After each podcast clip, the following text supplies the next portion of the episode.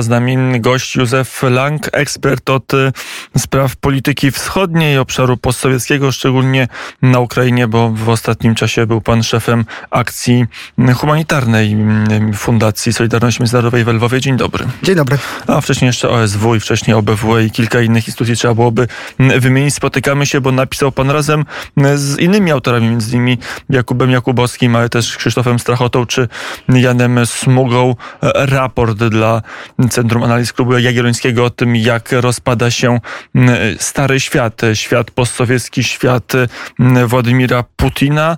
Teraz mamy chyba tego rozpadu przyspieszenie. Deklaracja z dzisiaj, że za trzy dni, 23 września, rozpoczną się referenda na zajętych przez Rosjan terytoriach Ukrainy, tak aby je wcielić formalnie, zdaniem Rosji, do e, Federacji Rosyjskiej. Czego to jest wyrazem i jak to można umiejscowić w, taki, w taką atrofię tego świata rosyjskiego? No, Przede wszystkim e, jest to, e, jest to wyraz e, kilku tendencji. Przede wszystkim możemy mówić o tym, że Rosja już ostatecznie zrezygnowała z planów wobec całej Ukrainy i przeprowadzenie referendum na tych terenach, które Rosja kontroluje teraz, oznacza również przyznanie się do tego, że co już było widoczne wcześniej, o czym już wielu i analityków i, i nie tylko wcześniej już mówiło czy pisało, o tym, że Rosja nie jest w stanie przeprowadzić przeprowadzać już e, działań ofensywnych na terenie Ukrainy, w przeciwieństwie do sił ukraińskich, co widzieliśmy niedawno na, e, na Charkowszczyźnie.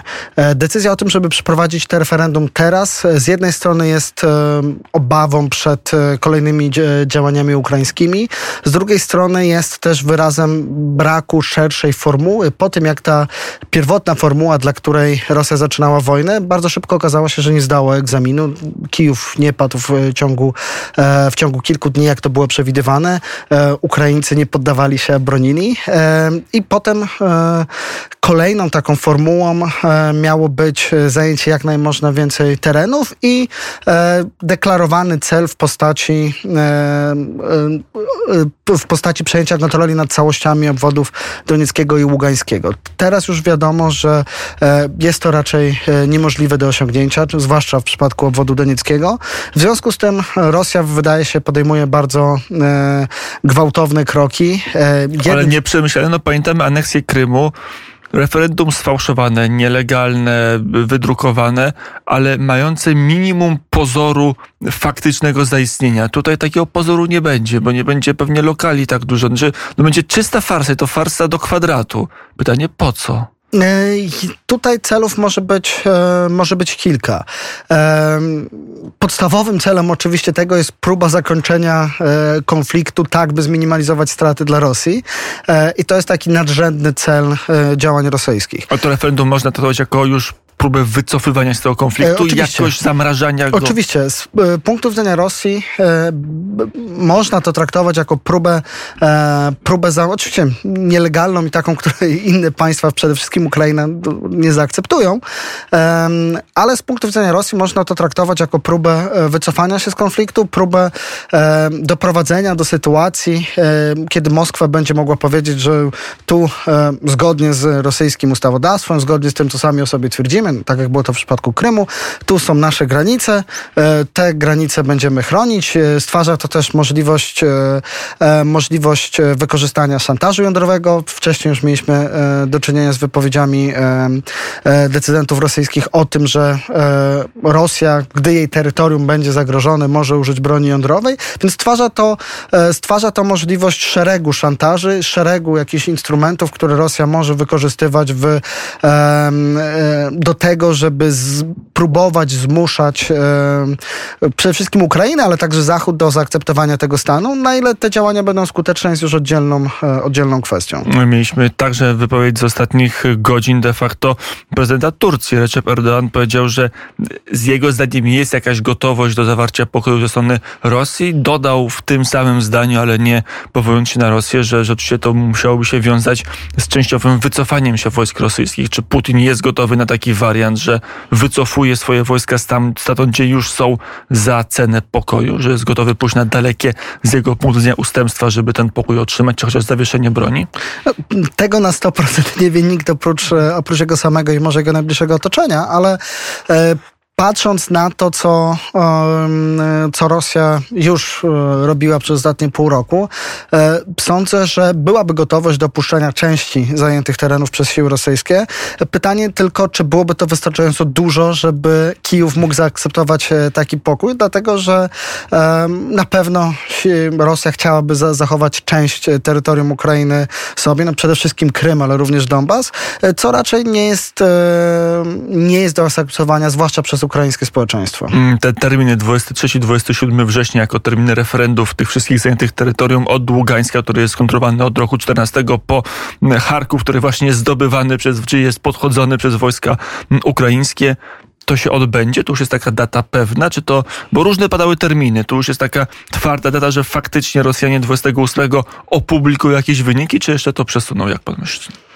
Przewidywanie jest ciężkie, zwłaszcza jeśli chodzi o przyszłość, ale e, sądzę, że tym razem sytuacja jest inna niż e, poprzednio. E, referenda rzeczywiście były elementem, który Rosjanie planowali od dawna. Zresztą nie tylko Rosjanie wykorzystywali tego typu, tego typu działania. Jeśli przypomnimy sobie historię, to Związek Sowiecki również wykorzystywał często referenda jako sposób przynajmniej wizerunkowej legalizacji zajęcia i aneksji terenów, które wcześniej były okupowane przez, przez Armię Radziecką i tutaj jakby ten mechanizm jest, e, jest podobny. E, to, że mieliśmy dzisiaj wypowiedzi e, w zasadzie wszystkich liderów, czy to samozwańczych republik na Donbasie, czy to rosyjskiej administracji okupacyjnych w obwodzie zaporowskim i, i hersońskim i wszyscy oni mówili o tych samych datach, świadczy o tym, że raczej pewnego rodzaju zabiegi propagandowo-polityczne, no bo nie będzie to, to, to, to, to oczywiście prawdziwe referendum, e, będą, miały, e, będą miały miejsce i pytanie jest, jakie Rosja wykorzysta dalej. Mm, e, to jak może je wykorzystać? Bo to jest bardziej referendum na użytek świata zachodniego, czy na użytek wewnętrzny? Y, to referendum wydaje się mieć, znaczy inaczej, całość działań, których referendum jest tylko częścią, wydaje się mieć zarówno cele wewnętrzne, jak i zewnętrzne. Jeśli chodzi o cele zewnętrzne, to jest e, to, co już wspomniałem wcześniej, próba zamrożenia, e, jeśli nie rozwiązania konfliktu, to przynajmniej jego zamrożenia tak, e, na takich warunkach, żeby Rosja nie musiała się przyznawać do, do porażki swoich działań. Natomiast w wymiarze wewnętrznym może to być próba podniesienia stawki, może to być próba zmobilizowania społeczeństwa do niezbędnych kroków w wymiarze militarnym, przede wszystkim do częściowej e, lub może nawet całkowitej mobilizacji, o, którym, e, o której w Rosji mówi się od pewnego czasu. Rosyjscy dziennikarze, analitycy wspominają o tym, że bez e, takich działań Rosja nie ma po prostu wystarczająco dużo sił, żeby dalej kontynuować ofensywę na Ukrainie. Różny status żołnierzy się różnymi liczbami określa. Dwusetki to są osoby, które poległy, są zmarli, trzysetki to są radni, których trzeba ewakuować, pięćsetka to jest w rosyjskiej nomenklaturze taka osoba, e, taki żołnierz kontraktowy, który albo wypowiedział kontrakt, albo odmówił wyjazdu na teren działań e, wojennych objęty specjalną operacją wojskową. Używam nomenklatury czy terminologii rosyjskiej. E, teraz, jeżeli będzie to anektowanie, to już nie będzie 500, już każdy żołnierz będzie musiał walczyć. To jest cel, między innymi cel tego, tej znaczy, operacji? To niekoniecznie jest cel referendów samych w sobie, bo referenda na to nie będą miały bezpośrednio wpływu, natomiast to, co jest powiązane w czasie z, z, z, z, z tymi deklaracjami dotyczącymi referendum, to też są zmiany w e, prawie e, w Rosji, które, e, które zakładają, że zwiększenie kary za odmowę od wykonania rozkazu, odmowy wyjazdu do działań, do strefy działań zbrojnych, czy też niestawienie się, niestawienie się do komisji wojskowej w razie otrzymania powołania. Są to dość duże kary w zależności, tutaj katalog tych działań które albo podlegają większej karze, albo są penalizowane po raz, e, po raz pierwszy, jest dość, e, dość szeroki i są to dość duże kary, w tym także 10, e, tam do 10, jeśli dobrze pamiętam, lat więzienia. Czyli Więc że to, to może być eskalacja. Znaczy nagle Putin może uznać po tym referendum, że teraz to jest atak na terytorium Federacji Rosyjskiej, więc pełna mobilizacja razem z mobilizacją sił jądrowych. Na pewno może to być wykorzystane jako pretekst i próba objaśnienia rosyjskiemu społeczeństwu mobilizacji. Tutaj musimy pamiętać, że badania społeczne w Rosji jednoznacznie pokazują, że chociaż Rosjanie co do zasady wspierają wojny na Ukrainie, wspierają rosyjskie działania na Ukrainie, tutaj poparcie oscyluje w, jeśli dobrze pamiętam, w granicach 70%, to z kolei na pytanie, czy a ty osobiście pojechałbyś walczyć na Ukrainę, no to to już w ogólnej grupie e, to jest 29% odpowiedź na tak, ale w młodszych rocznikach, które są bardziej zagrożone e, tego typu działaniami, no tutaj ten, ten odsetek jest, e, jest jeszcze mniejszy, co dobrze pokazuje, że o ile Rosjanie jako społeczeństwo co do zasady popierają działania władz, popierają działania Putina, no to niekoniecznie chcą brać osobisty w tym udział i tutaj decyzja o, o mobilizacji, czyli to, to nie będzie już wojna tych, którzy na to się pisali, którzy są zawodowymi żołnierzami albo zgłosili się na ochotnika, tylko w zasadzie wojna, wojna, gdzie każdy może na nią trafić. E, no, jest to działanie, które, które może spotkać się z różną reakcją rosyjskiego społeczeństwa i wydaje się, że Moskwa również bierze to, to pod uwagę. Czy te wszystkie działania są i to referendum, ewentualnie mobilizacja, czy to wszystko jest jeszcze e, zdolne uratować Rosję Putina? To jest oczywiście bardzo trudne do odpowiedzi pytanie, natomiast... E, Trochę już nawiązuje bezpośrednio do, do raportu Rozpad Starego Świata. Tak. E, to, co możemy jakby jednoznacznie stwierdzić teraz, że te działania e, już wskazują na to, że e, plany rosyjskie, i to już nie te pierwotne z marca, ale nawet te późniejsze z lata, e, nie powiodły się. E, otwartym pytaniem, czy powiodą się te plany i powiedzie się ta koncepcja, e, o ile no, można mieć e, w miarę pewność, że w wymiarze propagandowym Rosja będzie w stanie przeprowadzić e, referenda lub przynajmniej tak je przedstawić w swoich mediach, że, że, że e, żeby ten cel jakoś osiągnąć. Natomiast co do mobilizacji, no, tutaj już są otwarte pytania, czy nawet jeśli e, dojdzie do takiej decyzji, czy Rosja faktycznie będzie w stanie przeprowadzić ją w wystarczającej skali i wystarczająco szybko, by miało to decydujący wpływ na przebieg konfliktu. Mm, spotkanie w Samarkandzie można różnie mm, określać. Jedni mówią Putin spotkał się z połową świata. Połowa e, dyktatorzy czy władcy tam zgromadzeni reprezentowali połowę ludzkości. Inni mówią, wskazują, że Putin był tam de facto petentem i, i to najlepiej ten szczyt pokazał, jak bardzo w ciągu ostatniego pół roku, przeszło trochę ponad pół roku, zjechała pozycja Putina na, na, na globalnej szachownicy wśród rankingu władców.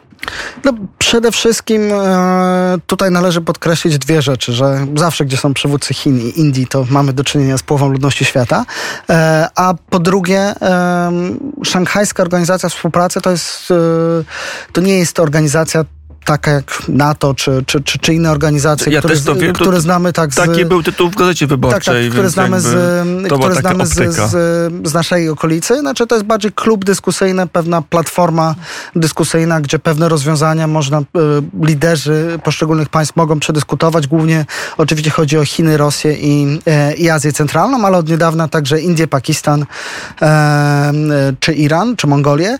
Natomiast tutaj no, widzimy, że e, erozja znaczenia Rosji już e, następuje. Ten szczyt był kolejnym, e, kolejnym tego przejawem, że jednym z czynników, który Rosja aktywnie wykorzystywała w swojej polityce, zwłaszcza w odniesieniu do swojego postsowieckiego sąsiedztwa, był czynnik strachu, był czynnik pewnego postrzeganej mocy e, państwa rosyjskiego i no, ostatnie pół roku pokazało, że była to błędna percepcja, więc Rosja ten, ten czynnik w zasadzie straciła. Jak będzie wyglądała ten demontaż systemu systemu de facto postsowieckiego. No, widzimy to w tej chwili bardzo wyraźnie, być, być może na Kaukazie Południowym. Armenia, Azerbejdżan, Armenia to do tej pory stawiała na Kreml, została opuszczona i osamotniona. E, nie jest, e, rozumiem, że chodzi panu o decyzję tak. Organizacji o Układu Bezpieczeństwie Zbiorowym, tak, OBZ-u, o tym, żeby nie udzielić... zaniepokojenie. Nie jest to pierwsza tego typu e, decyzja OBZ-u. W 2010 roku Kirgistan w trakcie konfliktu etnicznego na południu kraju zwracał się z prośbą o interwencję OBZ-u. Kirgistan jest członkiem OBZ-u. Wówczas również spotkało się to z odmową. To raczej pokazuje pewną odmienną optykę patrzenia na, na, na, na kwestię bezpieczeństwa, że w, dla Rosji jednak kwestia bezpieczeństwa to nie jest niekoniecznie chodzi o zapewnienie bezpieczeństwa, a raczej o kontrolę nad danym, um, danym obszarem. E, natomiast no, oczywiście można, e, można stwierdzić, że jest to kolejny przykład tego, jak Rosja traci na znaczeniu. E, jest to kolejny e, krok milowy pokazujący, jak Rosja e, pewne rzeczy, które jeszcze do niedawna Rosja była w stanie przeprowadzić, teraz, teraz są dla niej coraz cięższe lub wręcz niemożliwe do, do przeprowadzenia. Józef Lanke, gościem Radia Wnet. W których obszarach Rosja będzie tracić po kolei? Gdzie będzie, gdzie to, czy możemy przyjść, jak to domino będzie się rozsypywać? Które, to jak Cesarstwo Rzymskie, z których prowincji świata Rosja będzie swoje pływy musiała zwinąć w pierwszej kolejności? No i na pewno będzie to proces bardzo, bardzo dynamiczny i chaotyczny, więc tutaj jakiekolwiek przewidywanie jest, jest obarczone dużym ryzykiem. Natomiast możemy jasno stwierdzić, że już obecnie, że ta Rosja, którą, którą ona była rok temu, e, e, obecna Rosja nią nie jest. E, wpływy rosyjskie, e, to jak państwa regionu, zwłaszcza państwa postsowieckie, postrzegają Rosję, e, jest już inne e, i jest to, jest, następuje tu takie pewne sprzężenie zwrotne, bo z kolei w, dla świata zachodniego i szerzej w wymiarze globalnym pozycja Rosji wynikała również z jej pozycji na obszarze postsowieckim. To, że Rosja Rosja w optyce wielu na Zachodzie była liderem e, obszaru postsowieckiego. I była w stanie zapewnić e, jakąś stabilność na tym obszarze. E, w momencie, kiedy Rosja nie jest w stanie tego zrobić, no to tutaj e, następuje właśnie to sprzężenie zwrotne, czyli że im słabsza jest Rosja, tym jest słabsza na obszarze postsowieckim, jest słabsza na obszarze postsowieckim, tym również jest słabsza, słabsza w postrzeganiu innych, innych partnerów, innych graczy, w tym także tych, którzy są położeni dalej i w tym także tych głównych, tak? Czy, czy to Stanów Zjednoczonych, czy Chin. Mamy informację chociażby w tej chwili, że Turcja atakuje pozycję żołnierzy Asala Berashada, który się utrzymał u władzy w Syrii e, dzięki pomocy rosyjskiej. Teraz jak e, możemy domniemywać, ta pomoc się skończyła, bo, bo nie ma skąd jej brać. Albo na pewno się, się ograniczyła, e, na pewno jest mniejsza niż, niż była. Bo Informacje... Wagnerowcy giną właśnie na Ukrainie. No, informacja o tym, że Rosja zmniejszyła swoją obecność, obecność wojskową poza granicami kraju, bo to nie jest tylko Syria, ale to także Tadżykistan, Kazachstan, e, Armenia. E, Już o Afryce Środkowej nie wspominając, bo tam też Wagnerowcy Dokładnie, byli. ale nawet też... w tych miejscach, gdzie Rosja miała swoją nie tylko obecność poprzez, poprzez właśnie siły tak zwanej grupy Wagnera, ale tam, gdzie miała swoją obecność swoich e, oficjalnych sił zbrojnych, ta obecność się zmniejszyła, co pokazuje, że no, przez wojnę na Ukrainie, przez działania na Ukrainie Rosja nie ma takich możliwości do oddziaływania również na tych obszarach. Dla Polski co to oznacza? To słabnięcie Rosji, to zwijanie się jej mocy mocy regulowania, ale także, no może wykościowanego, ale stabilizowania pewnych rejonów świata, oczywiście w zacofaniu, oczywiście podtrzymując dyktatury, ale je podtrzymując. Co to oznacza dla Polski, gdzie się mogą pojawić elementy destabilizacji? E, no, w zasadzie e, element destabilizacji mamy od 2014 e, roku, kiedy po raz pierwszy w naszym sąsiedztwie mieliśmy do czynienia od lat 90., kiedy były, był czas wojny na Bałkanach czy, czy, czy, czy Naddniestrza, no to w 2014 roku pierwszy raz w naszej części Europy i w, w państwie, w którym bezpośrednio graniczymy, mieliśmy do czynienia z konfliktem zbrojnym, czyli najpierw Krym, potem, potem Donbas. W tym roku mamy do czynienia z największą wojną w Europie od czasów II wojny światowej światowej, więc cały czas możemy mówić o, e, e, o, o poważnym kryzysie, o zagrożeniach, które z, z, w związku z tym e, płyną. I sądzę, że tutaj cały czas musimy być uważni na to, co się dzieje za naszą wschodnią granicą. Mm, to może być także destabilizacja no, na najbliższego kraju pod tym względem, czyli Białorusi, taka no, de facto najbliżej nam występna enklawa systemu postsowieckiego. Na pewno na pewno zmiana sytuacji, jakakolwiek zmiana sytuacja w Rosji e, będzie miała wpływ również na stabilność e, reżimu e, Łukaszenki w Białorusi. Jest on w dużej mierze zależny i był w dużej mierze od lat, zwłaszcza w wymiarze, w wymiarze militarnym, zależny od współpracy z Federacją Rosyjską, więc tutaj jakakolwiek zmiana w, w, w Federacji Rosyjskiej oczywiście będzie miała wpływ na, na jego pozycjonowanie funkcjonowanie w samej, w samej Białorusi. Mm, To już na koniec pytanie takie też zawarte w waszym raporcie. N- Na ile jest tak, że teraz Polska będzie musiała odgrywać rolę kraju, który będzie dostarczał bezpieczeństwo w regionie? Jest to jedna z, z tez raportu. Niestety jest to zawarte w tekście, którego nie ja jestem autorem, więc, e, więc e, nie mogę się wypowiadać w pełni z autora tekstu. Mogę natomiast polecić cały, e, cały raport, w tym także tekst Jana W którym ta, e, ta teza jest zawarta. E, Ale pan się z nią zgadza?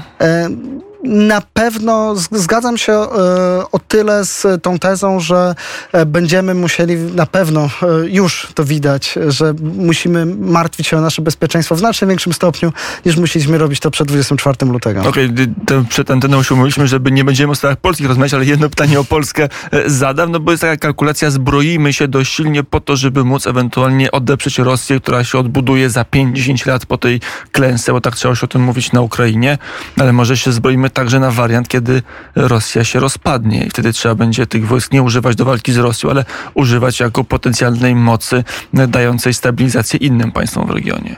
Tak może być? Mm, że ta armia tak czy inaczej nam się przyda, niezależnie od tego, czy Rosja wygra, czy yy, i, i, i się utrzyma, czy przegra i się rozpadnie? To, jak pan to zarysował, ale również jak, jak Jan Smuga opisał w swoim tekście, no, jest pewna w tym e, logika oczywiście.